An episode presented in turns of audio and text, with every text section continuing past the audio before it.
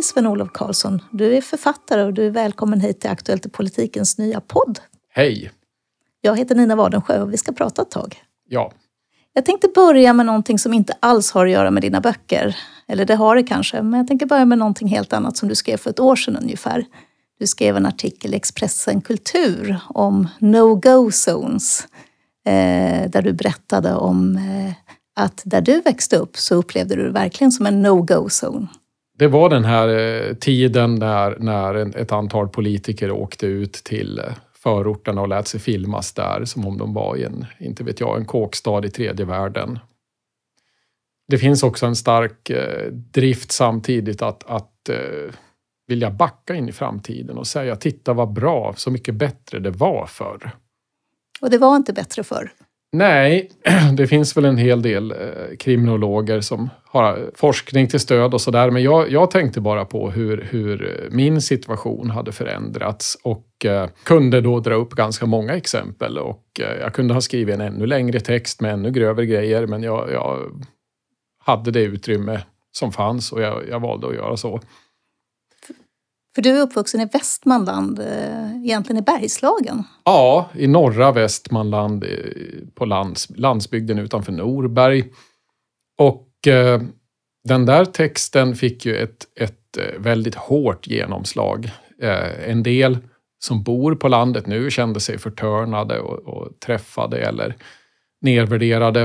Eh, en del tyckte att det var en relativisering av, av nutida problem. Väldigt många stöttade så att säga texten och tyckte att de, de, de delade den här minnesbilden av eh, den särskilda typ av utsatthet och otrygghet som fanns då. För vad du beskriver i den här texten, det är ju egentligen någon typ av ingenmansland där man som ung kan råka ut för vad som helst.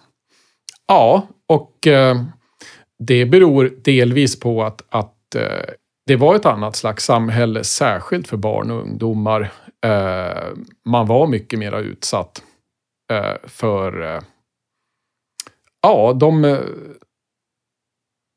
de som ville en illa hade mycket större möjligheter då än vad de har nu.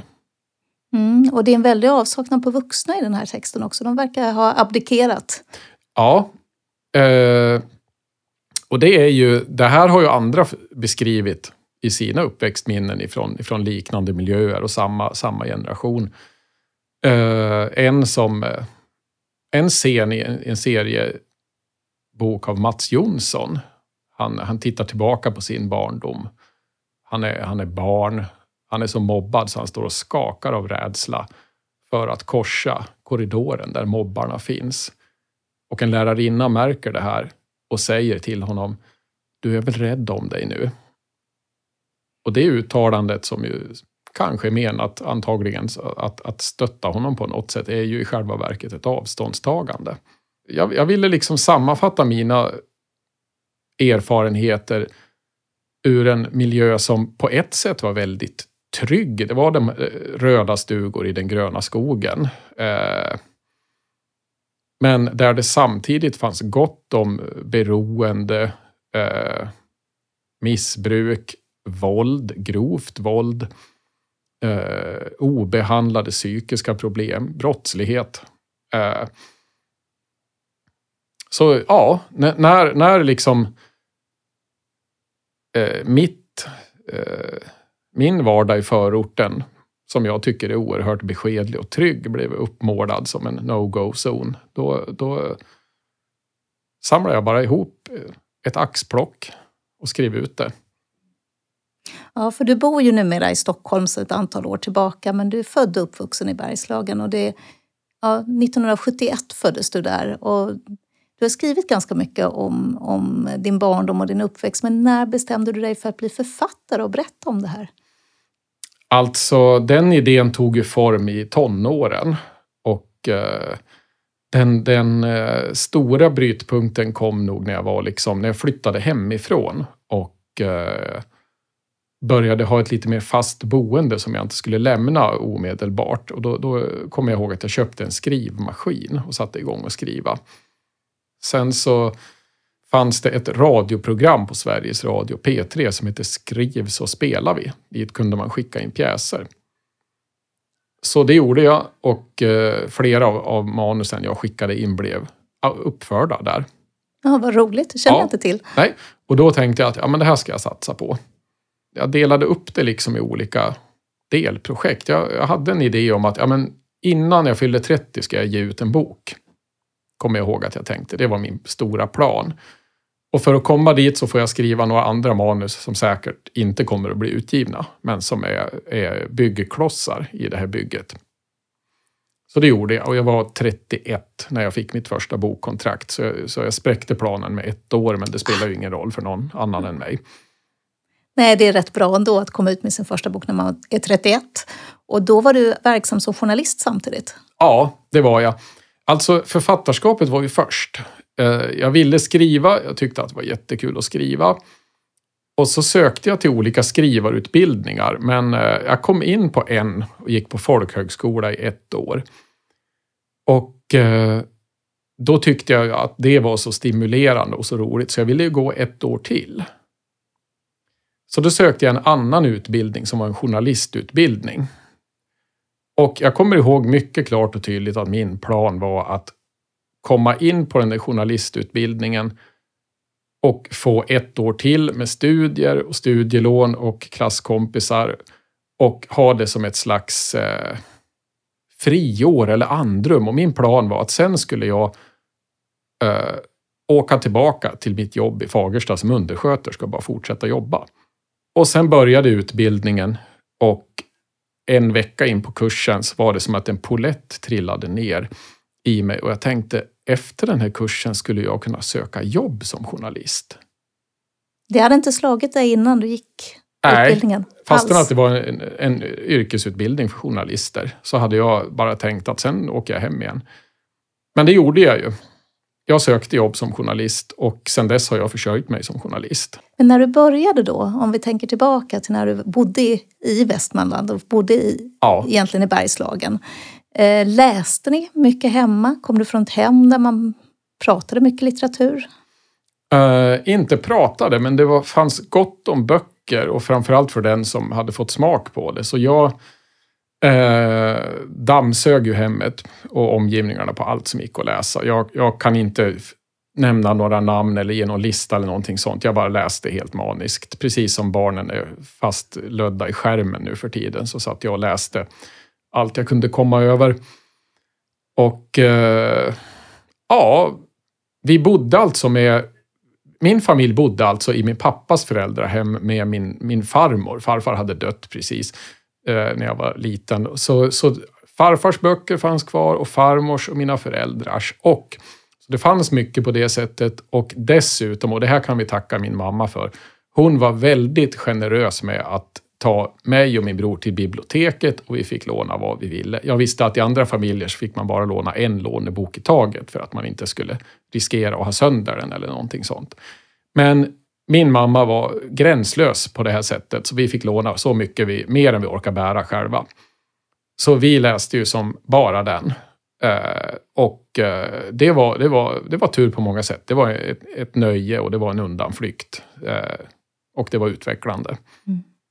När du kom ut med den här första boken, Italienaren, som är en roman. Du ja. har ju skrivit alla möjliga sorters böcker, det kommer ja. vi prata lite mer om sen. Men den första boken, Italienaren, när den kommer ut, så är det ju också en bok som är ganska självbiografisk.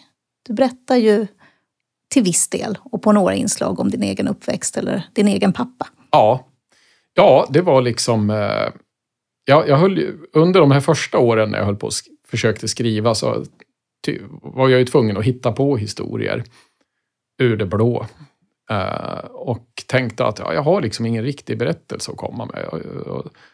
Men det kom det ju. Så min pappa blev sjuk där i mitten på 90-talet. Han fick lungcancer på grund av asbest. Han hade jobbat med asbestbromsar. Så han blev sjuk och eh, vad det led så blev han så sjuk att han, han skulle dö.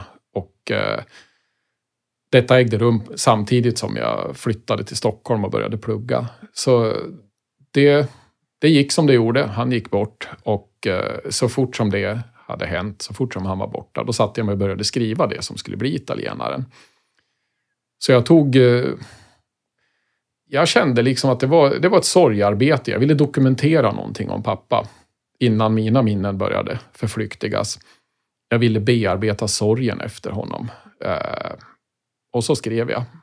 En annorlunda, det blev ju inte en minnesskrift eller en, en biografi, mm. det blev någonting annat. Nej, det är ju någonting annat och dina böcker är ofta någonting annat. På ytan sett är de en sorts bok och sen finns någonting mer som är burleskt eller magiskt nästan i dem. Ja. Och i den här finns det ju faktiskt finns det ju något helt annat som inte alls hör hemma i Västmanland. Ja, inte ett dugg. Och eh, jag vet att den, blev, den fick många refuseringsbrev innan, innan den blev antagen.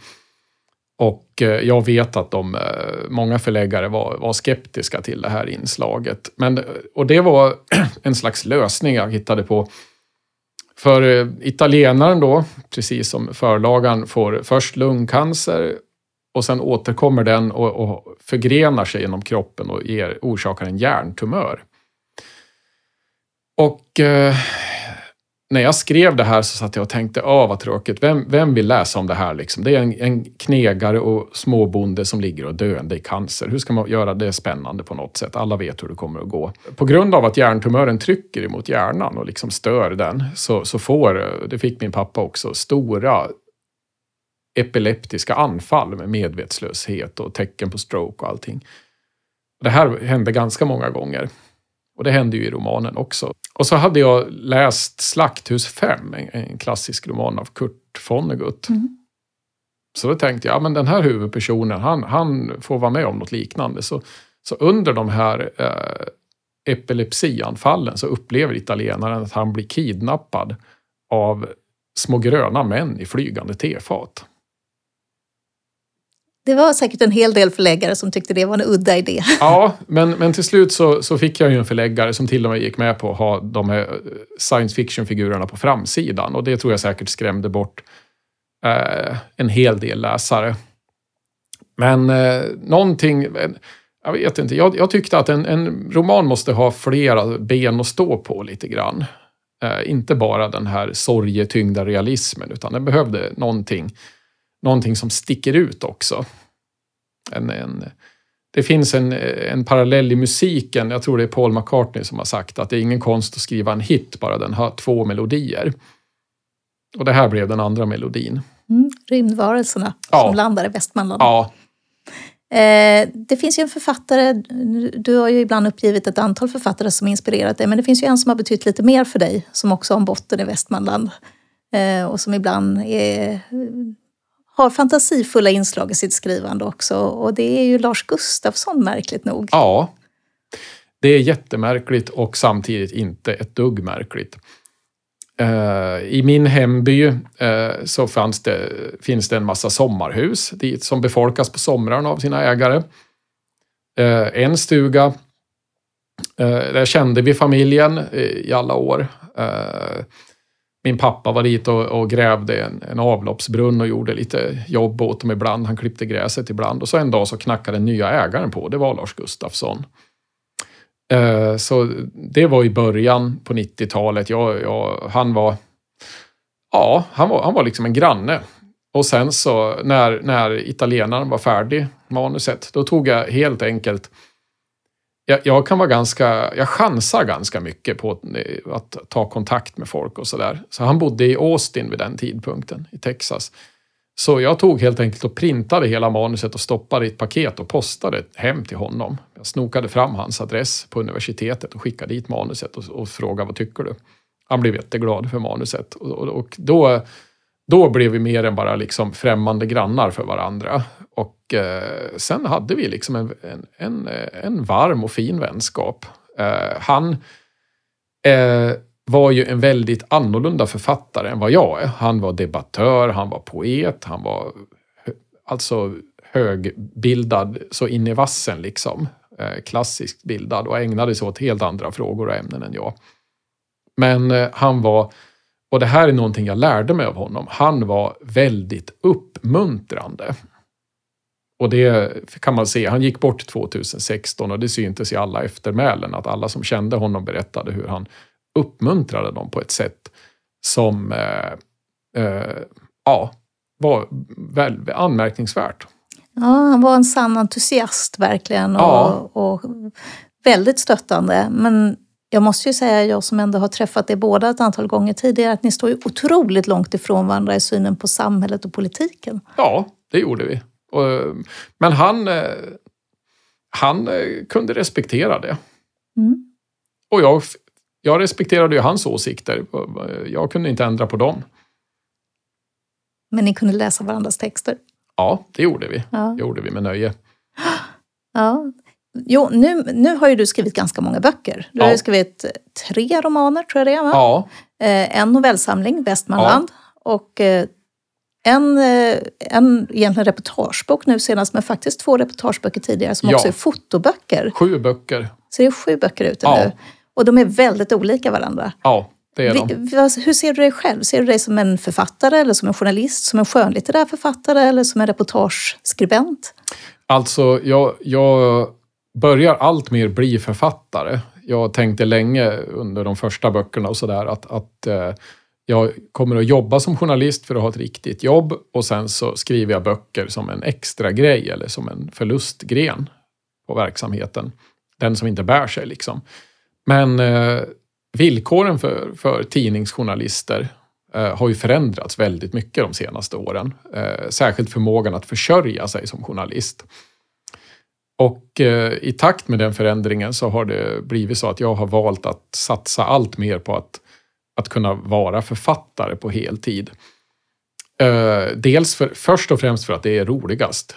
För mig så har det blivit så att det är absolut det är roligast att skriva böcker även om det är roligt att göra tidning också.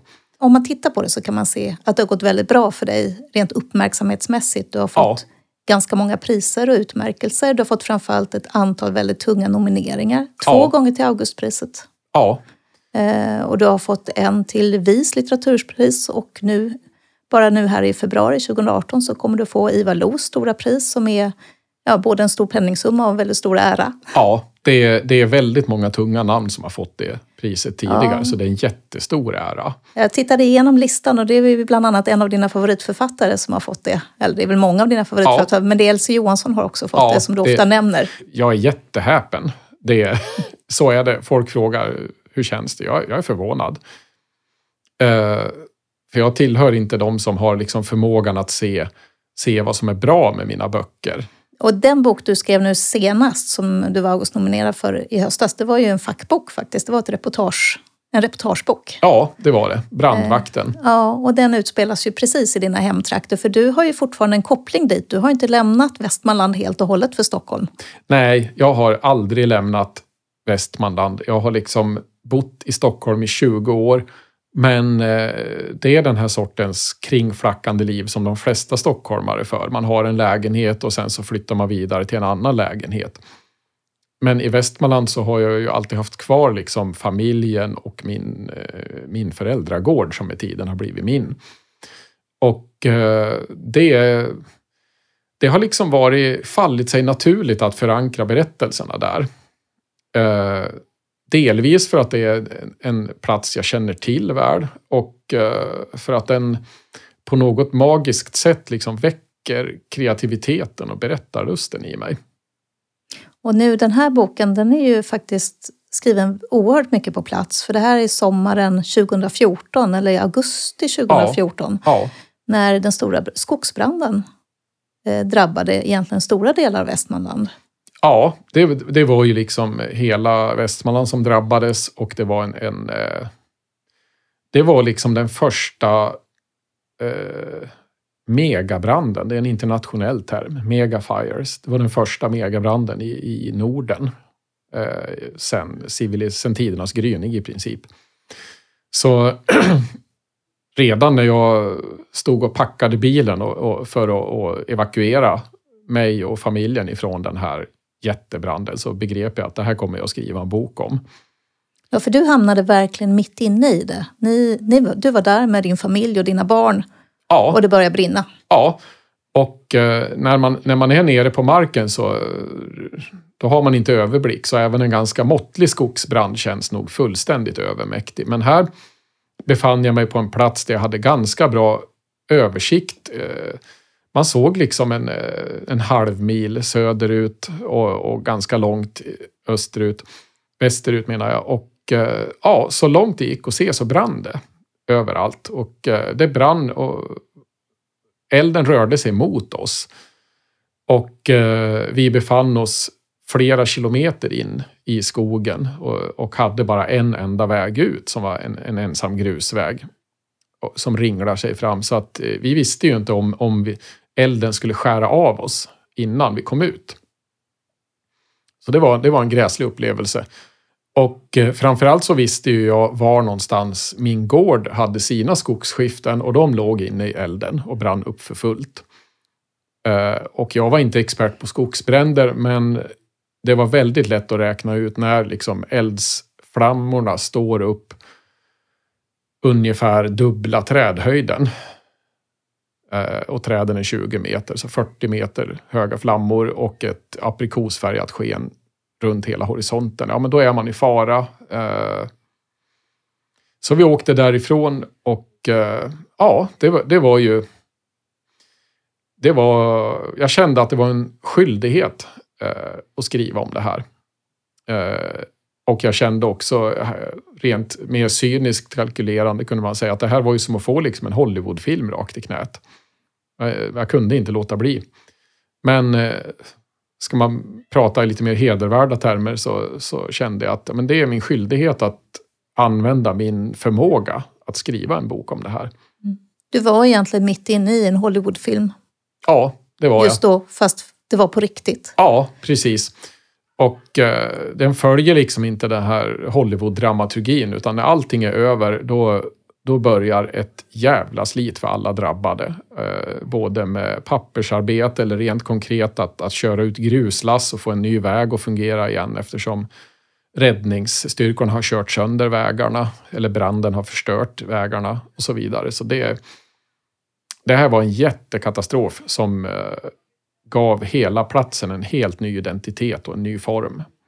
Ert hus står kvar? Ja, i princip all bebyggelse i min by klarade sig. Eh, jag vet ett antal hus som brann ner i närheten, men som på, i andra byar så att säga.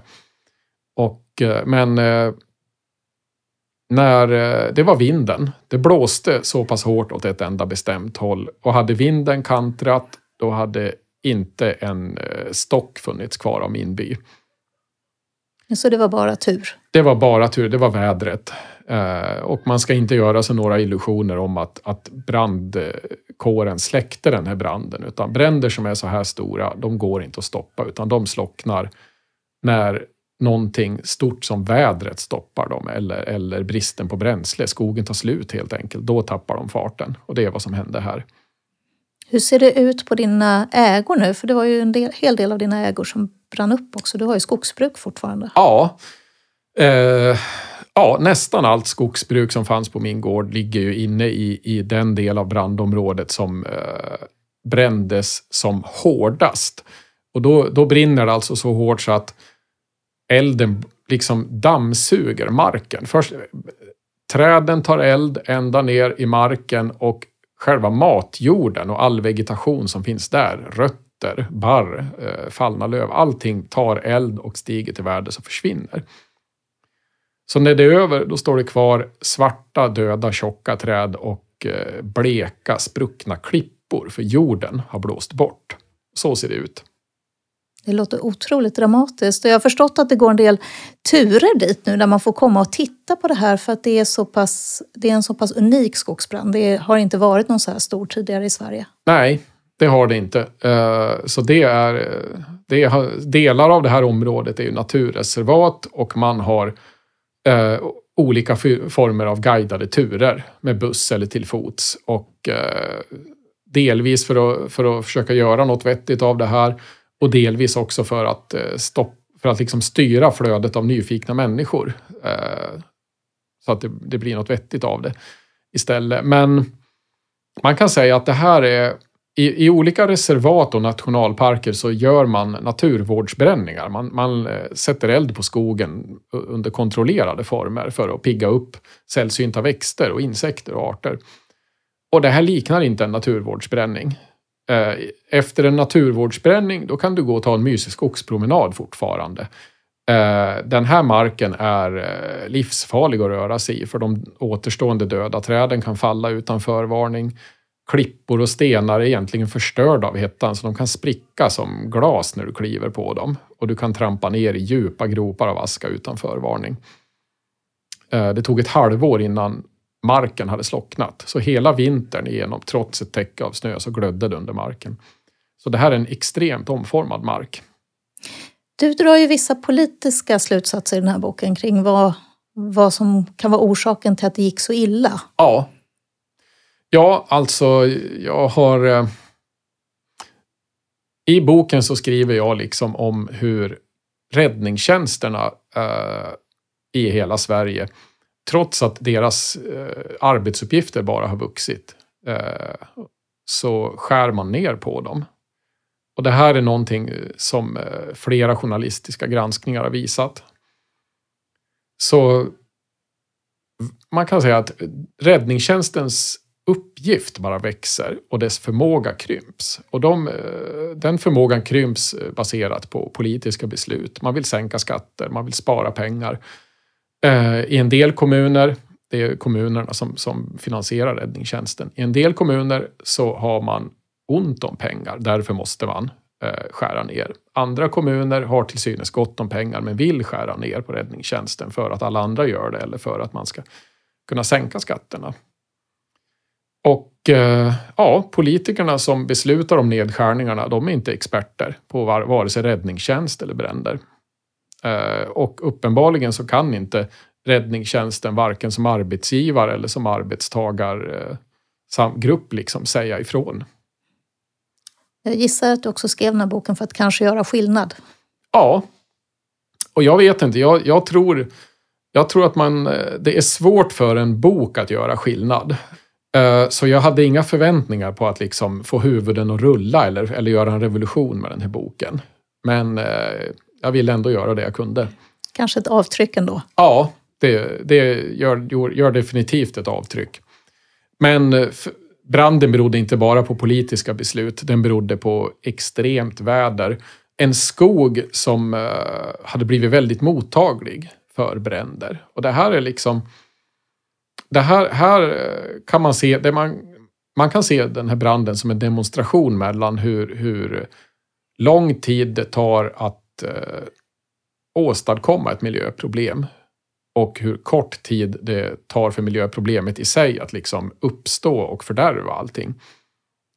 För de som gick och planterade gran åt eh, massaindustrin på 50-talet, de hade förstås ingen aning om den globala uppvärmningen och vilka väderförändringar den kommer att medföra. Eh, och de som eh, driver produktionsskog idag, de har inte heller några tankar på det. Eh, däremot ska sägas, vilket jag skriver i boken, så vet myndigheterna i Sverige mycket väl om att eh, den del av året då man kan få bekämpa skogsbränder, den blir stabilt längre för varje år.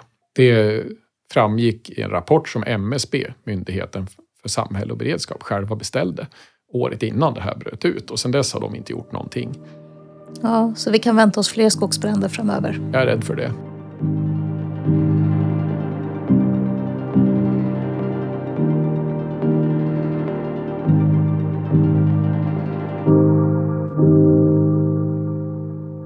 Det här Ivar Lo-priset som du eh, nu får eh, här, det är ju ett eh, ganska stort penningpris också. Ja. Jag gissar att det här att driva skogsbruk är inte någonting som numera är någon lönsam affär, utan det är, det är någonting du gör för nöjes skull. Ja, jag... Alltså skogsbruket var ju liksom på den här familjegården var ju liksom som en slags liten bankbok dit man med, med noga uträknade kalkyler kunde ta ut lite grann ibland. Och nu så brann den bankboken upp då eh, och är hädanefter en slags eh, räkning istället, där man ska betala eh, åt, så länge jag lever då för att betala arbetet med att göra om den här nerbrända marken till skog igen. Så Ivar Lo-priset, för att övergå till det, så förutom äran så är det ju, ja visst, det är mycket pengar och jag tänker använda de pengarna till, till arbetsro, till att skriva vi får se vad det blir. Jag är, jag är en sån författare som liksom inte vill sälja skinnet innan jag har skjutit björnen. Så jag får inga förhandstips här om vad Nej. nästa bok kommer att handla om. Nej, det finns, eh, just nu känns det som att det är dags för något skönlitterärt. Eh, Den här Brandvakten, det var en reportagebok, den var mycket siffror och forskning och, och journalistik i den. Så nu kanske jag vill eh, ha lite omväxling. Som eh, alla lantbrukare vet att man måste byta gröda för annars utarmar man jorden och den blir platt och torr och död. Eh, så att eh, nu kanske jag ställer om till någonting annat. Vad spännande. Ja. Det får vi se fram emot. Ja, Jag tänkte på de här två andra fackböckerna du har gjort. Som Ja. är något helt annat. Det är två böcker om, om hus. Ja. Och eh, de heter Ödehus. Svenska ödehus hette den första boken och sen kom Svenska ödehus 2 några år senare. Och allt började naturligtvis hemma i Västmanland. Eh, varje morgon när jag var liten så åkte jag skolbuss och från fönstret på bussen så kunde jag då se ett gammalt hus stå i vägkanten. En gång om dagen såg jag det huset. Jag växte upp och eh, med åren så tänkte jag att det måste ju finnas en fantastisk historia i det där rucklet. Så jag, eh, en vacker dag så spårade jag upp människor som, som hade bott där och som fortfarande levde. Det var en, en familj, en syskonskara. Och så intervjuade jag dem. Skrev ut texten, tyckte det var jättespännande och så tänkte jag att det måste finnas fler sådana här ställen.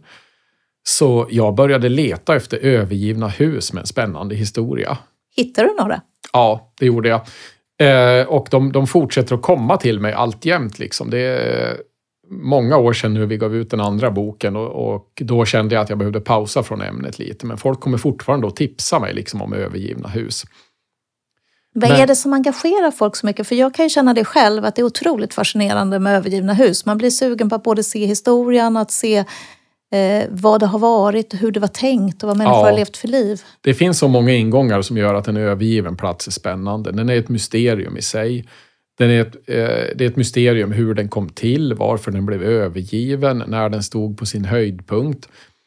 Eh, och jag var, det här, mina böcker gjordes samtidigt som den här trenden med urban exploring blev intressant. Och då letar, folk upp gamla fabriker och ruiner och tar sig in och fotograferar. Eh, och nöjer sig med det, lägger ut det på någon blogg eller så. Men jag ville liksom hitta människorna som hade bott där, ödarna som hade bott där. Eh, och det, ja, vad man än gräver i så hittar man en häftig historia. Eh, och eh, jag kunde ha gjort fler böcker, men jag tror att både jag och Filip eh, Pereira dos Reis som fotograferar böckerna och, tillsammans med mig. Vi började, till slut tröttnade vi liksom på att jackorna luktar mögel jämt. Ja, de ser rätt slitna ut en del av de där husen. Ja, det var, det var inga sunda miljöer att vistas i. Men eh, det blev liksom böcker om, om hur Sverige har sett ut genom tiderna och det har ju sett väldigt olika ut. En del är industribyggnader, en del eh, eh, sanatorier och flyktingförläggningar dit eh, folk hamnade när de flydde från Estland under andra världskriget. Eh, en av de mest fascinerande husen, tycker jag, eh, och eh, det är stenbostaden då på jämtländska och det är bara en klyfta mellan två stenar och i den så bodde det samer. Jaha, In på 50-talet. Eh, De byggde ett tak av, av ris och växtlighet och annat. Eller vad de hade till hands. Och så bodde de där, bodde barnfamiljer där. Och det, det är liksom, eh, det tycker jag är en tankeväckare. Samtidigt som folkhemmet eh, reste upp sig ordentligt och folk hade glassiga Elvis-bilar och, och tittade på TV. Så bodde det urfolk i grottor och kojor ute i Sverige. det ger verkligen ett annat perspektiv på, Ja, på så- folkhems-Sverige. Jajamän. Så det var, det var ett kul ämne att utforska. Jag är jätteglad över de böckerna. Jag funderar ibland för att det finns en, en eh, alltså att vi i Sverige är väldigt upptagna med det här med centrum och periferi. Vad som är eh, lite utanför vår synvinkel hela tiden, det som händer på, Ja. utanför tullarna om man säger så, Ja. eller utanför städerna eller utanför Ja. de moderna nybyggda husen. Eh, är det för att vi har så nära till den här historien, att det är så kort tid sedan vi tog oss in till städerna? Jag vet inte, jag vet inte, men det är hela, hela världen befinner sig i en urbanisering av eh, aldrig föreskådade mått. Så det här är ju inte unikt för Sverige. Eh, så dels handlar det om att vad man än tycker om stan så eh, måste man i de flesta fall dit för att överleva och tjäna pengar. Och det här har blivit extra starkt i Sverige på väldigt kort tid. I andra delar av världen så har det alltid varit så att bor man utanför städerna så finns det ingen välfärd eller säkerhet eller infrastruktur. Eh, det som får Sverige att sticka ut är att vi hade tills nyligen ett, eh, ett mycket väl fungerande samhällsnät ute i landsbygden och i småstäderna. Och det har mycket bryskt och snabbt eh, monterats ner eller fått vittra ner. Tänker du då på typ bensinmackar, apotek, allt skolor? Man behöver. Allt, allt man behöver. Eh, och eh, det, det har inte att göra med, tror jag, att liksom eh, att populärkulturen har utmålat landsbygden som töntig eller, eller så, utan det, det har att göra med jobb och pengar och medvetna beslut. Jag såg ganska nyligen siffror på att eh, i en oerhört förkrossande stor majoritet av Sveriges kommuner så är det så att det finns ett underskott på unga, att majoriteten av de unga tar sig därifrån. Eh, och det gäller framförallt kvinnor, att männen blir kvar Ja. Eh, det beskriver du ju lite i en del av de texter du har skrivit också. Man kan inte tvinga folk att bo kvar där de inte vill bo. Det, det gör man inte i demokratier. Och man kan inte heller tvinga dem att flytta. Nej, man kan inte tvinga dem att flytta heller. Eh, men eh, ja, det där, är, det där är så svårt. Det är liksom en motståndshandling att bo på landet idag. Och man blir man blir påverkad av att hela tiden vara på sin vakt för att inte bli snuvad på ännu mer. Man blir misstänksam. Man, man går runt med en stress hela tiden för att ännu en grej ska läggas ner eller tas ifrån en. Jag tänker på det här med kvinnor och berättande. Du har mm. nämnt ganska många kvinnliga författare. när du, Jag ser ibland att du blir tillfrågad om vilka favoritförfattare du har. Det är ganska ja. ofta kvinnor. Ja. Det finns ofta en, en eh, till dimension hos kvinnliga författare. Kanske, kanske är det lättare för kvinnliga författare att hitta ett underifrån perspektiv. Och det är ofta intressantare. Det blir oftare intressantare berättelser om, om blicken så att säga kommer lite grann underifrån och är, lite, är medveten om lite mer än huvudpersonerna själva. Eh, Alice Munro, Marianne Robinson på senare år det här är, det är två exempel på författare som, som skriver väldigt lågmälda berättelser där till exempel rensningen av ett grönsaksland kan dra ut i all evighet medan de här stora, väldigt smärtfyllda frågorna ligger där i botten. Och det, det tycker jag är väldigt bra läsning. Jag kan förstå att det hänger ihop med det du skriver själv. Ja. Och eh, ja, det... Och jag har också lärt mig mycket av liksom att man inte måste förklara allt. En, en eh, av uh, Robinsons böcker, hennes första, hon har bara skrivit fyra böcker. Där, där är det, runt huvudpersonerna så finns det, i deras närhet finns det en stor sjö och där har liksom en rad av deras ja, anhöriga genom tiderna gått under. Bland annat en, en mamma som liksom eh, begår självmord. Hon kör bilen rakt ut i sjön och dränker sig. Och det här är ju en fruktansvärd scen och man får aldrig en förklaring till vad som driver den här mamman till det här. Det, det behövs inte. Ibland behövs inte någonting sånt. Det behövs inte förklaras och redas ut till punkt och pricka. Det, utan ett, ett mysterium kan förbli det och det blir ändå en, en bra berättelse. Det finns en berättelse utanför själva boken om man litar på läsaren. Ja, lita på läsaren. Det är ett bra motto. Ja. Tack så hemskt mycket Sven-Olof Karlsson. Det var väldigt roligt att ha dig här. Tack, det var roligt för mig också.